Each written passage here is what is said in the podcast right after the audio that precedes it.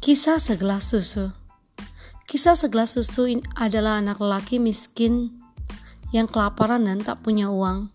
Ia nekat mengetuk pintu sebuah rumah untuk minta makanan, namun keberaniannya lenyap saat pintu dibuka oleh seorang gadis muda. Ia urung minta makanan hanya minta segelas air. Tetapi sang gadis tahu anak ini pasti lapar, maka ia membawakan segelas besar susu. Berapa harga segelas susu ini? Tanya anak lelaki itu. Ibu mengajarkan kepada saya, jangan minta bayaran atas perbuatan baik kami, jawab si gadis. Aku berterima kasih dari hati yang paling dalam, balas lelaki, anak lelaki setelah menang, menenggak habis susu tersebut.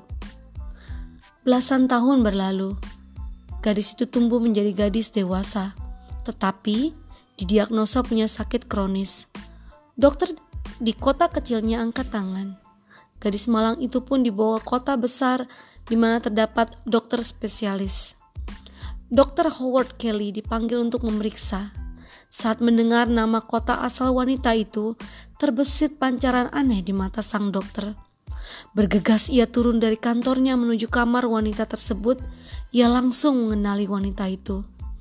Setelah melalui perjuangan panjang, akhirnya wanita itu berhasil disembuhkan. Wanita itu pun menerima amplop berupa tagihan rumah sakit. Wajahnya pucat ketakutan karena ia tidak sanggup memba membayar tagihan rumah sakit meski dicicil seumur hidup sekalipun. Dengan tangan gemetar, ia membuka amplop itu dan menemukan catatan di pojok atas tagihan. Telah dibayar lunas dengan segelas susu. Tertanda Dr. Howard Kelly. Dr. Howard Kelly adalah anak kelaparan yang pernah ditolong wanita tersebut.